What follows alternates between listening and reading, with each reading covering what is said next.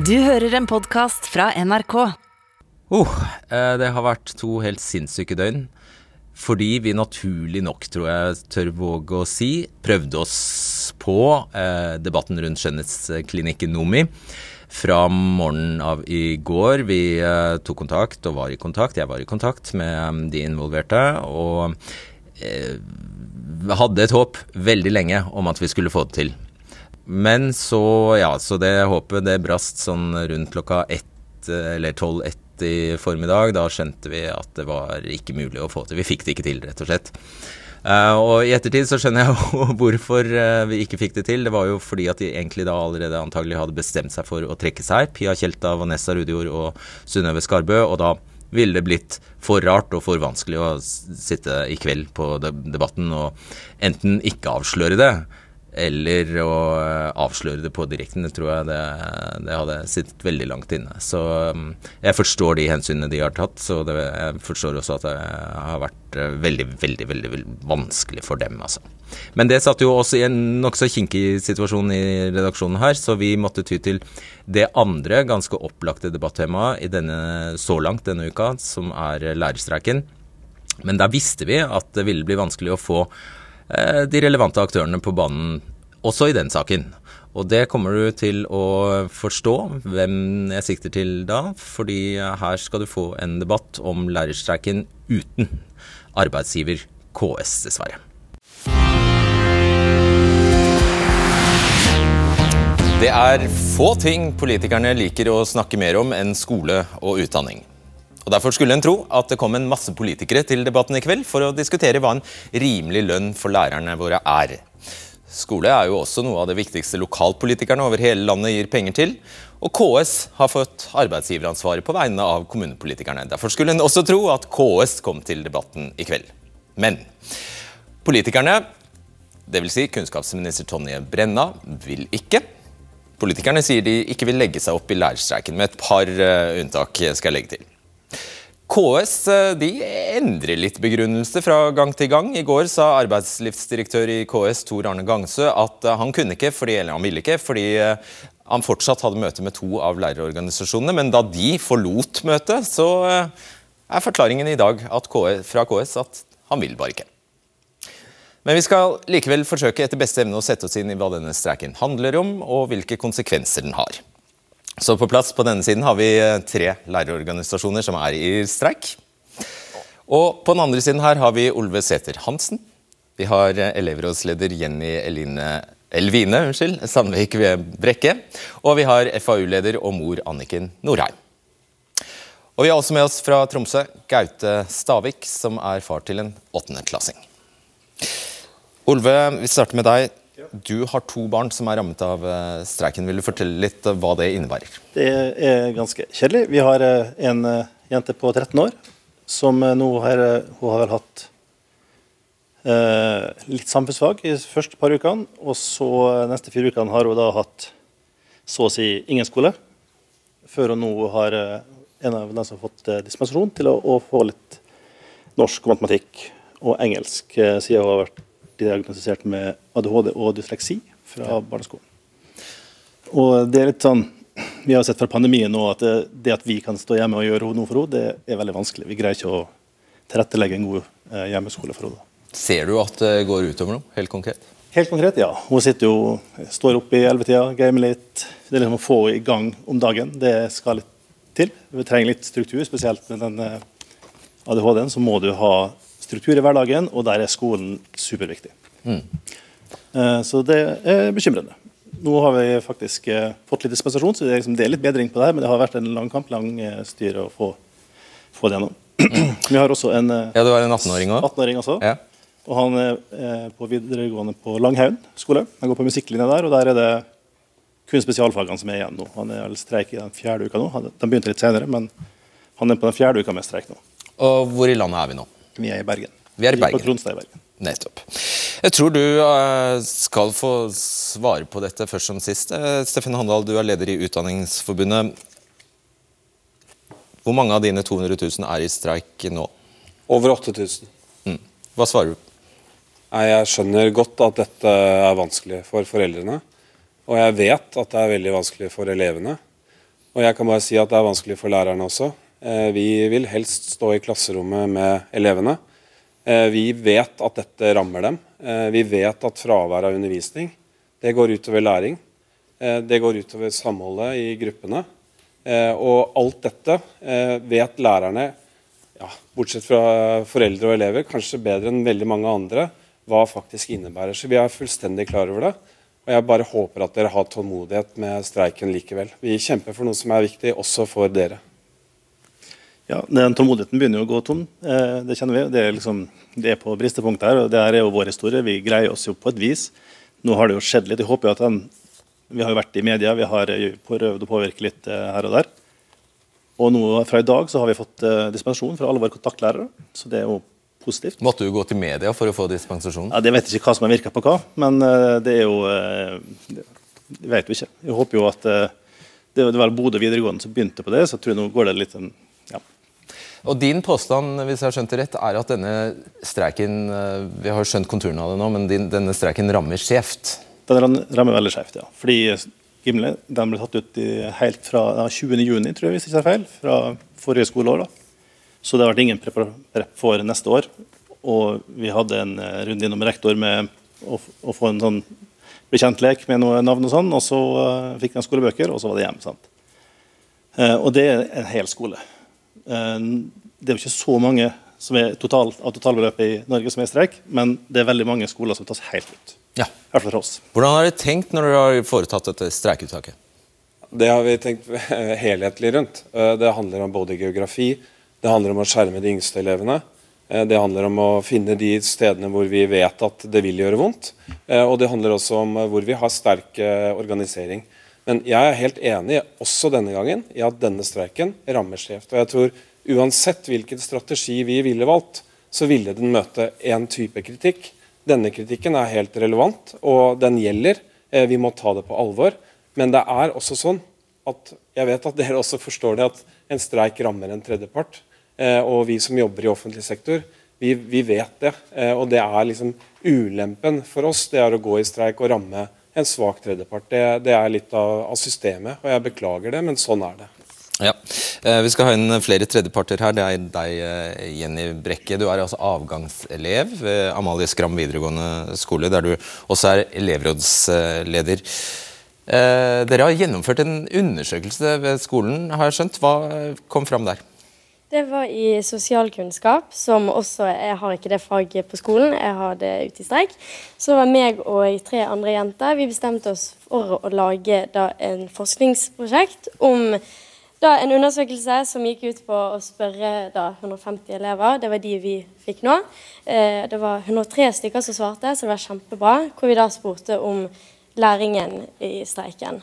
Og da fikk vi jo spørsmål som om de syntes det var utfordrende uh, å jobbe uten faglærer. Der var det 48,5 som svarte at de syntes det var svært stor grad så var det utfordrende. Og de var redde for streiken, og vi fikk gjentagende ord at de var stresset. Uh, de var umotiverte, de var ensomme. Uh, ja, og at det var veldig skeivt fordelt, så de var veldig stresset for fremtiden. Hvor ligger skolen din? Amalie Skam i Bergen. I Bergen, det også, ja. Hvordan opplever du det situasjonen? da? Jeg opplever det jo selvfølgelig tungt, men jeg snakker jo her på vegne av veldig mange andre. Jeg er tatt ut i alle fag unntatt ett, så jeg har fire timer skole i uken. Men jeg vet jo om, eh, og folk svarte på den undersøkelsen, at de hadde blitt tatt ut i R2 og i fysikk og kjemi. Og når de da sitter hjemme og jobber med dette uten faglærer til stede, det er kjempetungt. Og jeg vet at folk sliter både psykisk og fysisk. Hva er R2 for noe? For oss som det, er, det er lenge siden vi har gått på skolen. Det er avansert matte. det er avansert matte, ja. Da har vi oppklart det. Helle Kristin Nyhus er leder i Norske Lektorlag. Vil du bare først oppklare Hvorfor er dere tre stykker, stykker her, og hvordan er, hvordan er, fordelingen dere imellom? Ja, vi er jo tre selvstendige organisasjoner, eh, hvorav Norsk Lektorlag organiserer lektorene. Og jeg har skjønt at Du har rundt 8000 medlemmer. Du er desidert størst med rundt 200 000. 190 000. 190 000 for å være beskjeden. Mange lektorer, bare for å ha sagt det også. Ja, nettopp. Mange du er, til... er i streik, faktisk. Ja, du er tilsluttet Akademikerne, ja. altså lektorlaget. Og deg som vi skal komme til, Mette Walker, du er i Skolenes landsforbund er tilsluttet LO. Og har også rundt ja, 7000 medlemmer? Stemmer? Ja, litt mer. Så, ok, Da går vi videre her. Gjør det inntrykk når du hører dette her? Ja.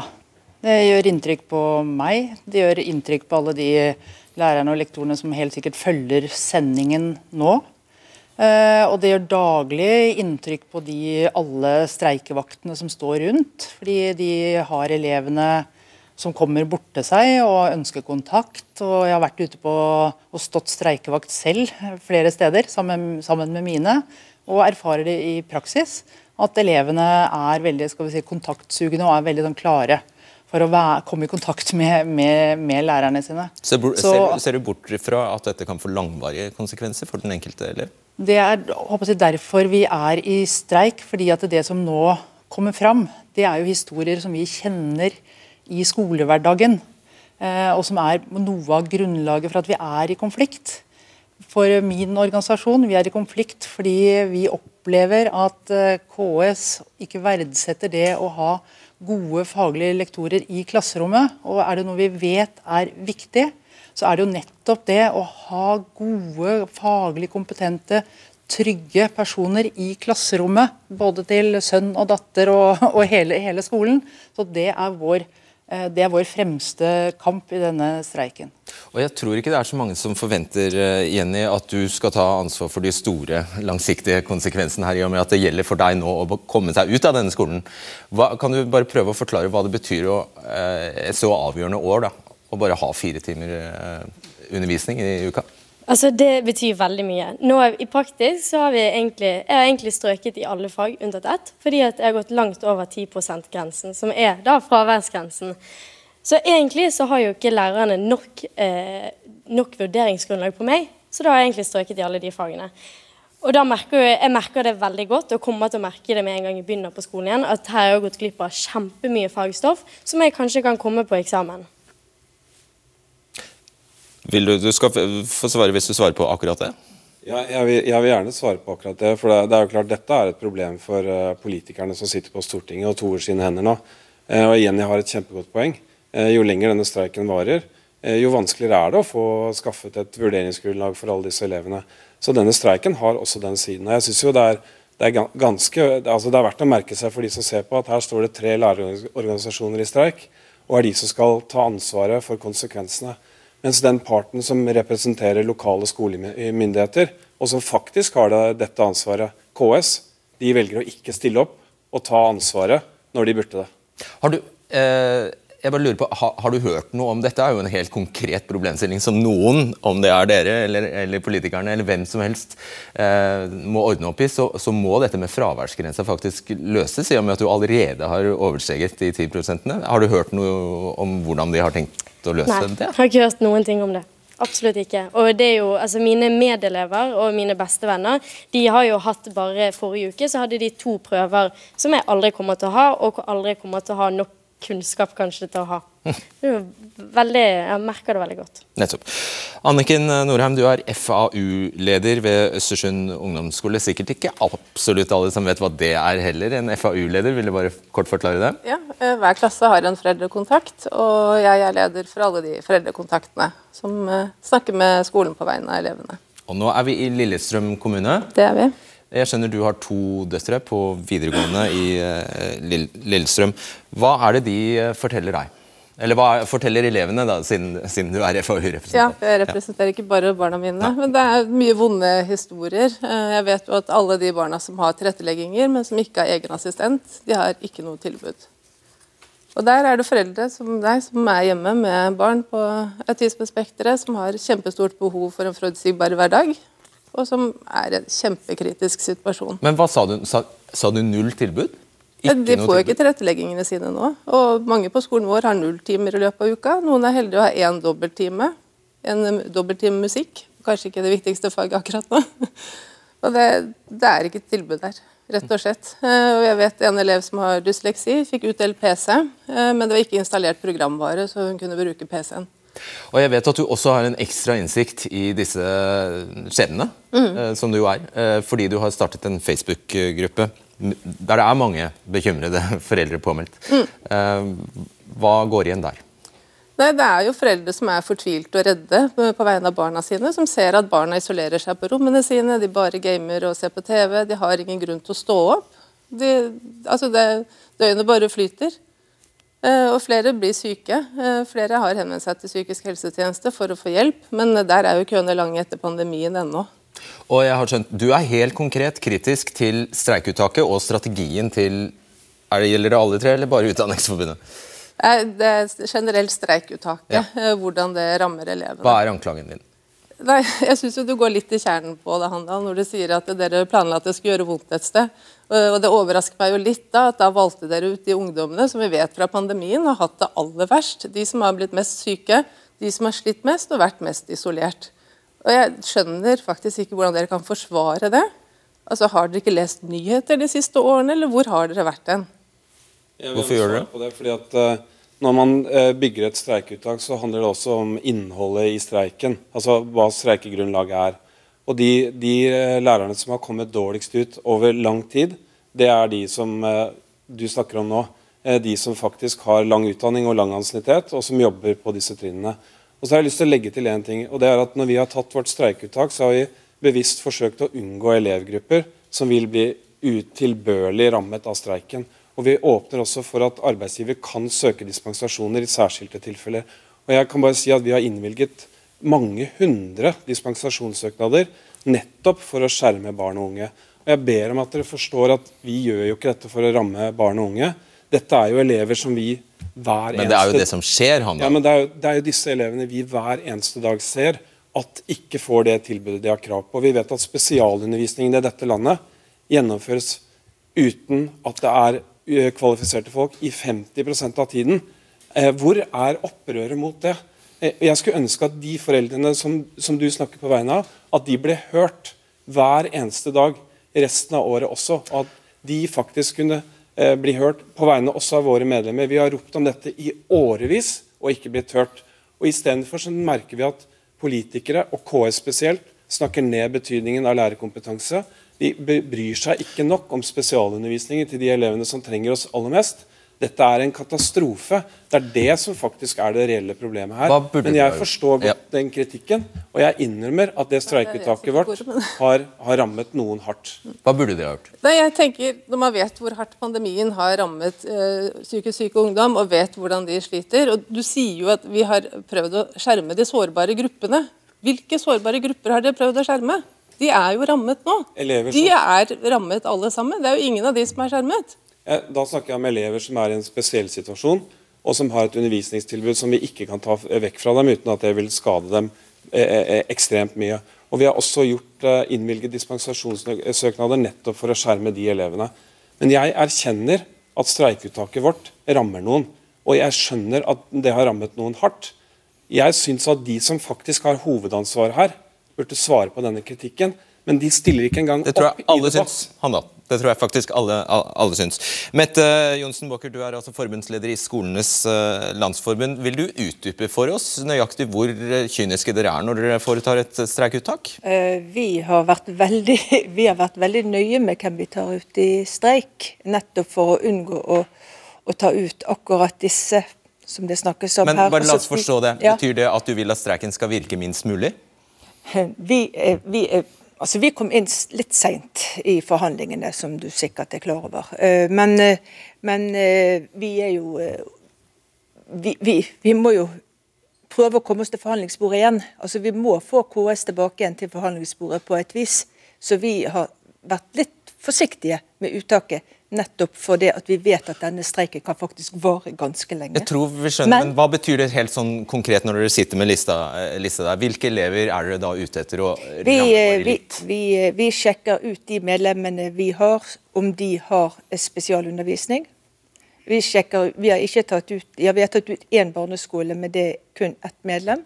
Vi har tatt ut i ungdomsskole, og vi har tatt ut uh, i videregående skole. Eh, men, eh, men dispensasjonssøknadene de er vi veldig rause med. Og Du skjønner jo også at hele poenget med en streik, og også faktisk et virkemiddel for å få den til å gå raskt over, for at arbeidsgiver skal skjønne alvoret, er jo at det rammer. Klart det, klart det. er jo hele poenget. Jeg har et spørsmål om, eh, om dispensasjon, og hvordan dere vet hvor er den spesialundervisninga kommer, eh, hvordan er hen. da. Fordi jeg vet i hvert fall fra Bergens Tidene og NRK i Bergen hadde en, var en høring nå om etter pandemien, og hvor mange var som egentlig hadde behov for spesialundervisning. og Det viste seg sånn at så vidt jeg husker, der var det veldig liten eh, oversikt. Ja, Har dere den oversikten, Båker? Er du trygg på det? Vi har en oversikt over dispensasjonssøknader, men det er klart at vi har jo ikke så mange som Utdanningsforbundet har. Det har vi ikke. Sant? Så vi har god oversikt, vi. Jeg, jeg, jeg, hvis jeg kan få hjelpe til her, for eh, vi, vi, klarer ikke å skjerme all spesialundervisning. Det er faktisk ikke mulig. Da ville vi hatt et så lite uttak at ville, måte, da ville streiken pågått enda lenger. Eh, og jeg, jeg, forsøker ikke å si at vi ikke rammer noen. Jeg håper dere forstår det. Jeg vil at dere skal forstå at i offentlig sektor så er det helt uunngåelig å ramme tredjepart. Og vi gjør faktisk det vi kan for å forsøke å skjerme så mange som mulig. Okay. Men det er helt utrolig vanskelig når vi har en arbeidsgiver som nekter å rikke seg en millimeter. Og igjen, jeg bare gjentar, Vi skulle gjerne hatt KS her, for det er bare KS som kan svare dere når det gjelder dette med lønnstilbud, tillegg, nivå, tall og alt mulig. Men når KS ikke er her, så går vi altså glipp av det innsynet i realitetene som vi kunne fått. Det syns jeg er veldig eh, synd. Men vi får håpe KS sitter og ser på TV nå og noterer seg hva som skjer når barn ikke får gå på skolen. Gaute Stavik, du er med på eh, Du er der, er du? Du er med fra studio i Tromsø. Du er pappa til en åttendeklassing ved Kvaløysletta ungdomsskole i Tromsø. Um, ja. Din åttendeklassing er en av mange som nå har gått uten skolegang i over tre måneder. Du har engasjert deg sterkt. Hvorfor det? Ja, I starten så var det jo fravær av informasjon både fra skolen og fra kommunen. Eh, og det er som Olve sier fra Bergen, at eh, så enkle ting som å få ut klasselister, slik at vi foreldre kunne begynne å organisere aktiviteter eh, sammen, det tok lang tid å få ut. Deretter var det å få ut bøker og læreplater, slik at vi kunne sette i gang litt hjemmeundervisning for egen hånd. Men det er jo noe som de faglig sterke elevene håndterer. Og det som jo kom ganske raskt for oss, var jo at akkurat den psykiske helsa til elevene den påvirkes sterkt av situasjonen.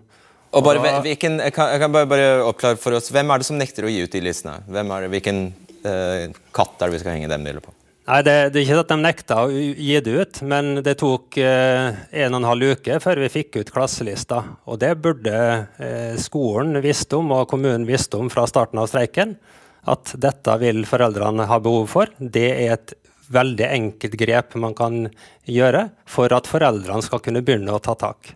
Hvilke helt konkrete utslag av eh, denne streiken merker du på elevene og dine egne barn?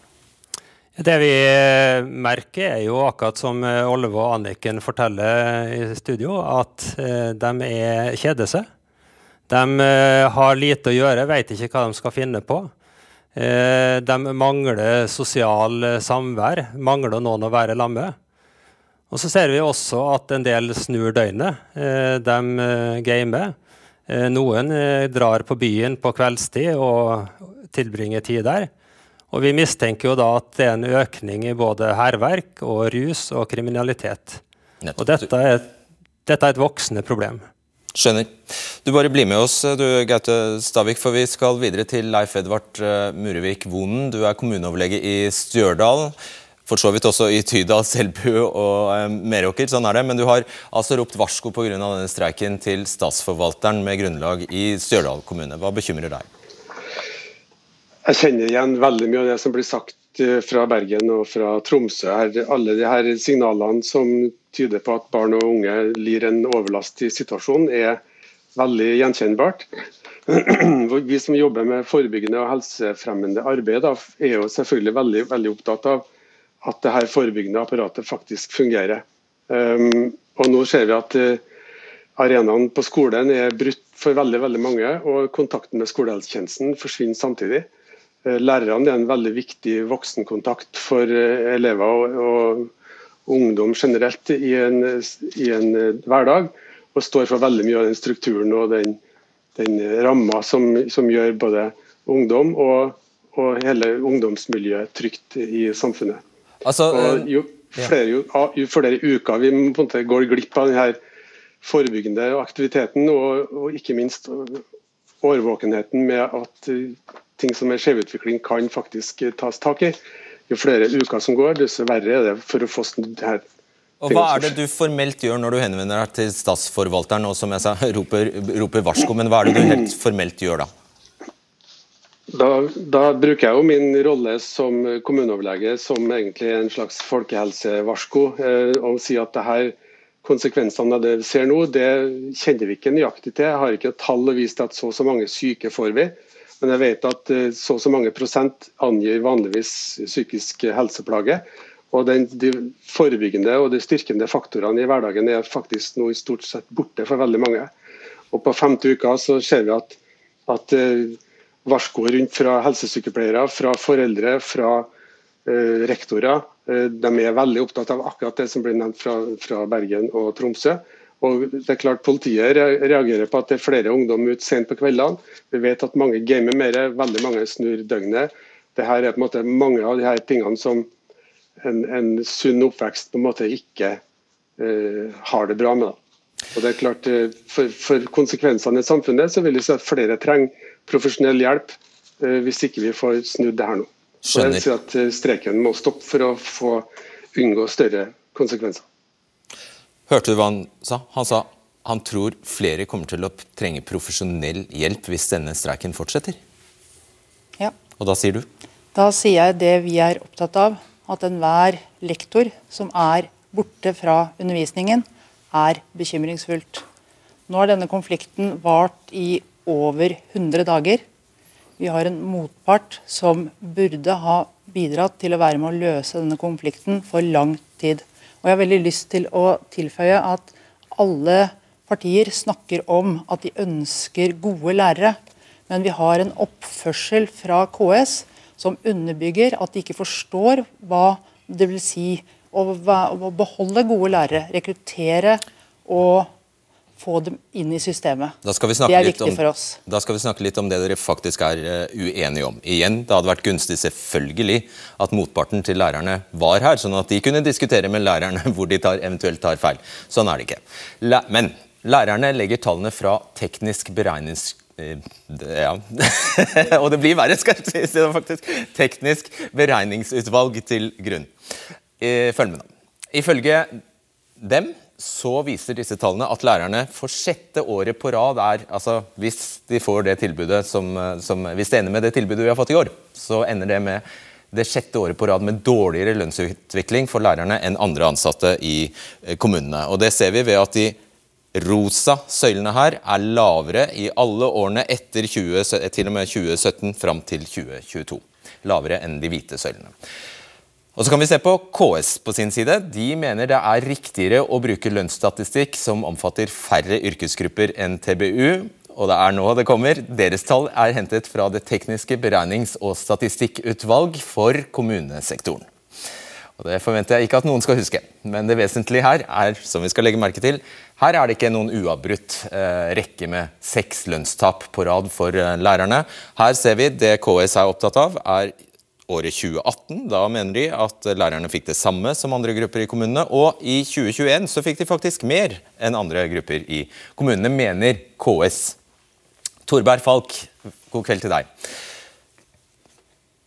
God kveld, ja. God kveld, ja. Du er professor i samfunnsøkonomi ved NTNU. Nå er jo hovedgrunnen til at lærerne streiker at eh, de mener de ble lønnstapere eller kan komme til å bli lønnstapere for sjette året på rad hvis de godtar dette tilbudet fra KS. Stemmer det? Ja, som de, de, de, tallene du viser, viser jo at det har vært en lavere lønnsutvikling for lærere enn for andre grupper i, i kommunesektoren de siste, når vi ser over de siste årene.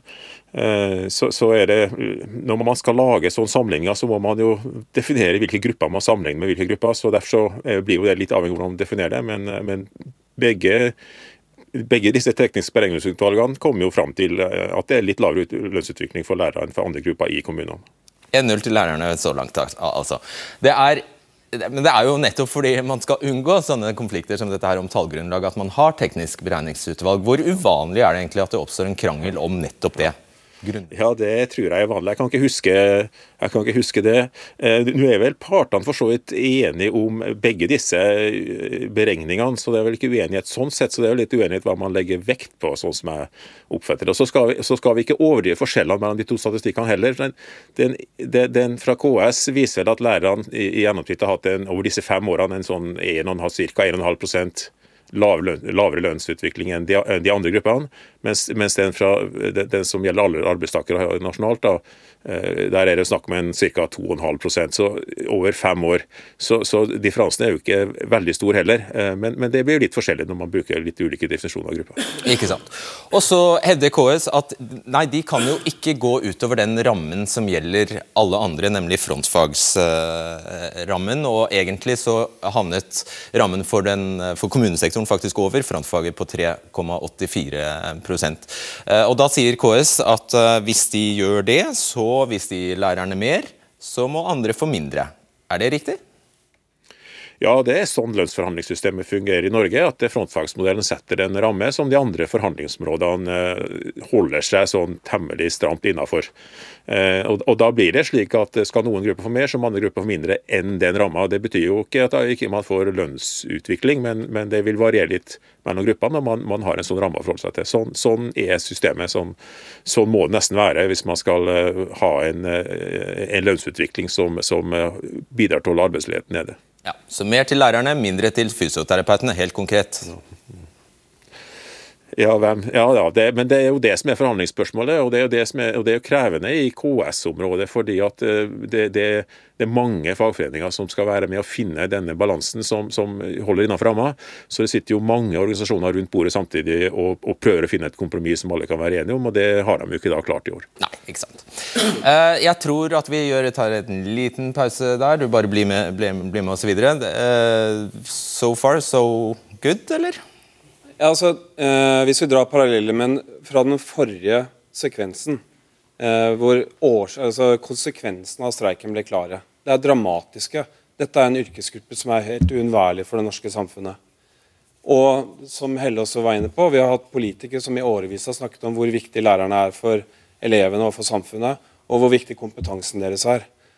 Og så møter vi, når vi går inn i forhandlingsrommet, en motpart som ja, jeg kan forstå at man av og til ender opp liksom med å komme, bli nedprioritert. Det er greit. Alle skjønner det som går i forhandlinger. Men vi møter en motpart som har nedprioritert oss seks år på rad. Og hvis du ser på den lange linja fra 2004, så har faktisk lærerne tapt terreng tilsvarende 50 000. Eh, altså Hvis de hadde hatt den samme lønnsutviklingen som andre, så ville de hatt 50 000 høyere lønn.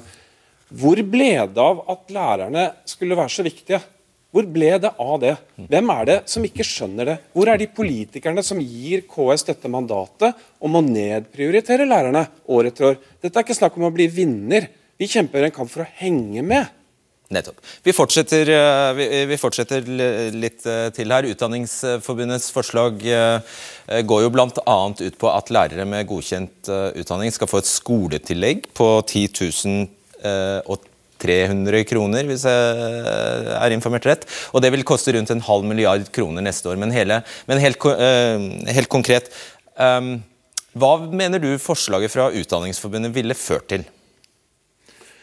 Eh, altså det er jo et spørsmål om dette man tenker innenfor frontfagsmodellen eller ikke. Men, eh, men, jeg har ikke hørt noen som sier annet at frontfagsmodellen altså alle, Det er veldig enighet om at frontfagsmodellen har fungert godt for Norge. Og, og, og dette forslaget vil jo da legge bindinger på forhandlingene eh, neste år. Og det kan man jo gjøre, og det kan man jo bli enige om.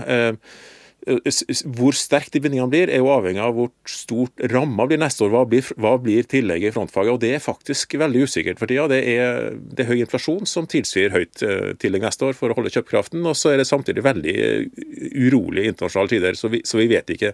Som dette vil binde innenfor frontfagsmodellen, det gjenstår litt å se. Men, men, med et sånt kronetillegg så vil det sannsynligvis være binde slik at lærere med lav ansiennitet vil få en høyere prosentvis vekst enn en, en ramma, og da må andre grupper Eh, få tilsvarende annerledes. da. Ja, og så skal, eh, Vi skal avrunde her, men Utdanningsforbundet viser da til at det allerede er fordelt at de, de mener Det er ikke noe helt sær, sær, særegent ved at man jafser litt av neste års, uh, neste års pott. fordi det har man allerede gjort til andre grupper i avtalen. F.eks. når det gjelder ubekvem arbeidstid og, ja, på kveld og, og helg og sånn, som gjelder fra 2023. Um, så da, Hvis det stemmer, så betyr jo det at da er det ikke noe hellig prinsipp for KS å ikke fordele penger for neste år allerede nå?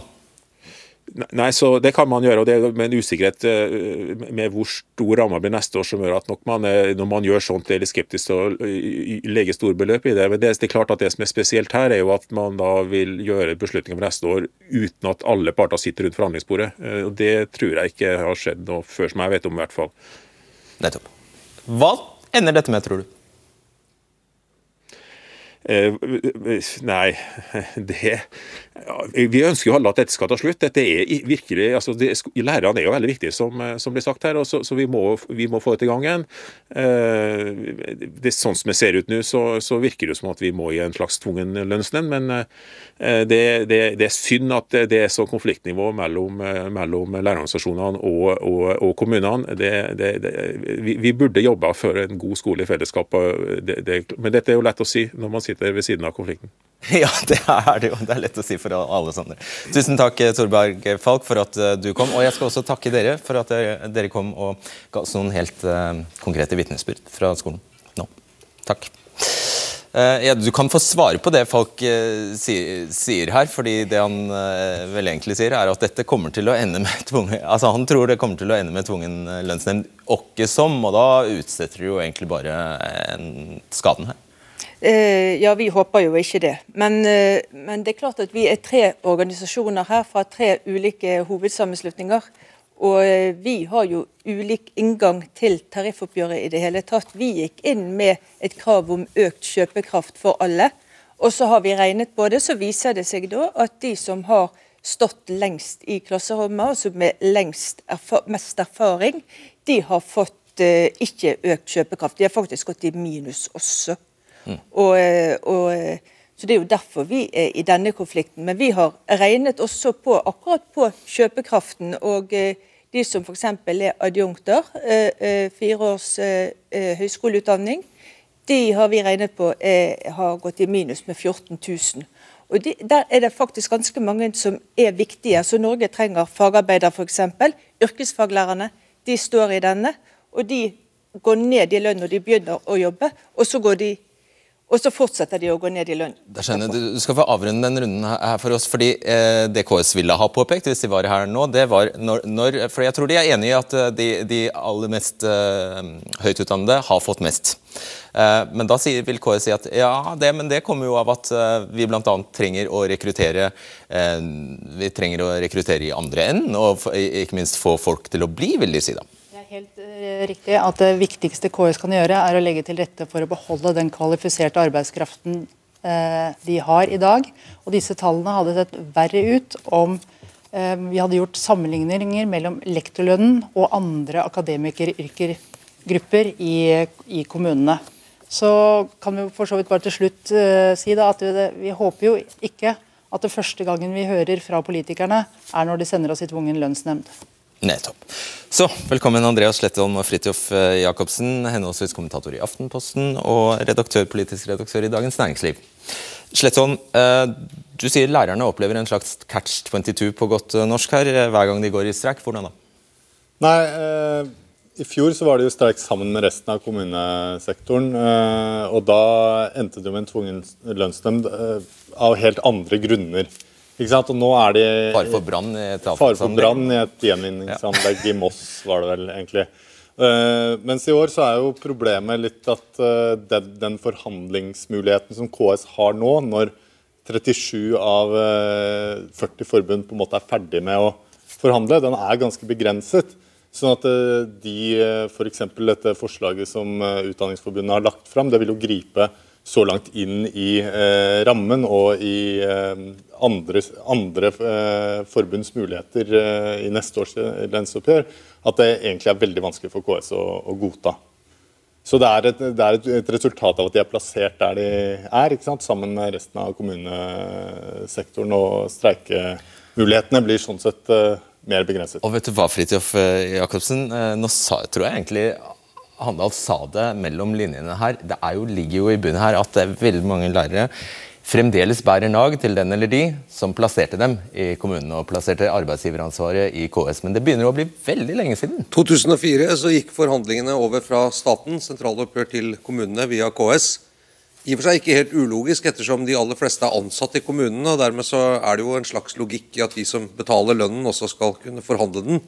Ellers kunne jo staten gitt store lønnstillegg og kanskje ikke finansiert kommunene på samme måte osv. Men, men det har jo kostet uh, lærerne dyrt. De kom inn som en høytlønnet yrkesgruppe i kommunesektoren. Jeg vil ikke si det er så høyt lønn ellers, men, men i der, og da har jo blitt andre grupper blitt prioritert i kommunene, f.eks. helsearbeidere. Det er helt riktig. Uh, den situasjonen vi er i nå, virker jo nærmest som et, uh, vi nærmer et slags sammenbrudd. Blir det tvungen lønnsnemnd i en lærerstreik, så har vi jo flyttet grensen for tvungen lønnsnemnd ganske kraftig i Norge. og Det må jo være en fallitterklæring for begge parter at de ikke klarer å komme til enighet eh, når det tross alt bare er lønn det er snakk om. Da, da, da må jeg si da, da, ser jo systemet veldig dysfunksjonelt ut. Så får vi håpe vi slipper det.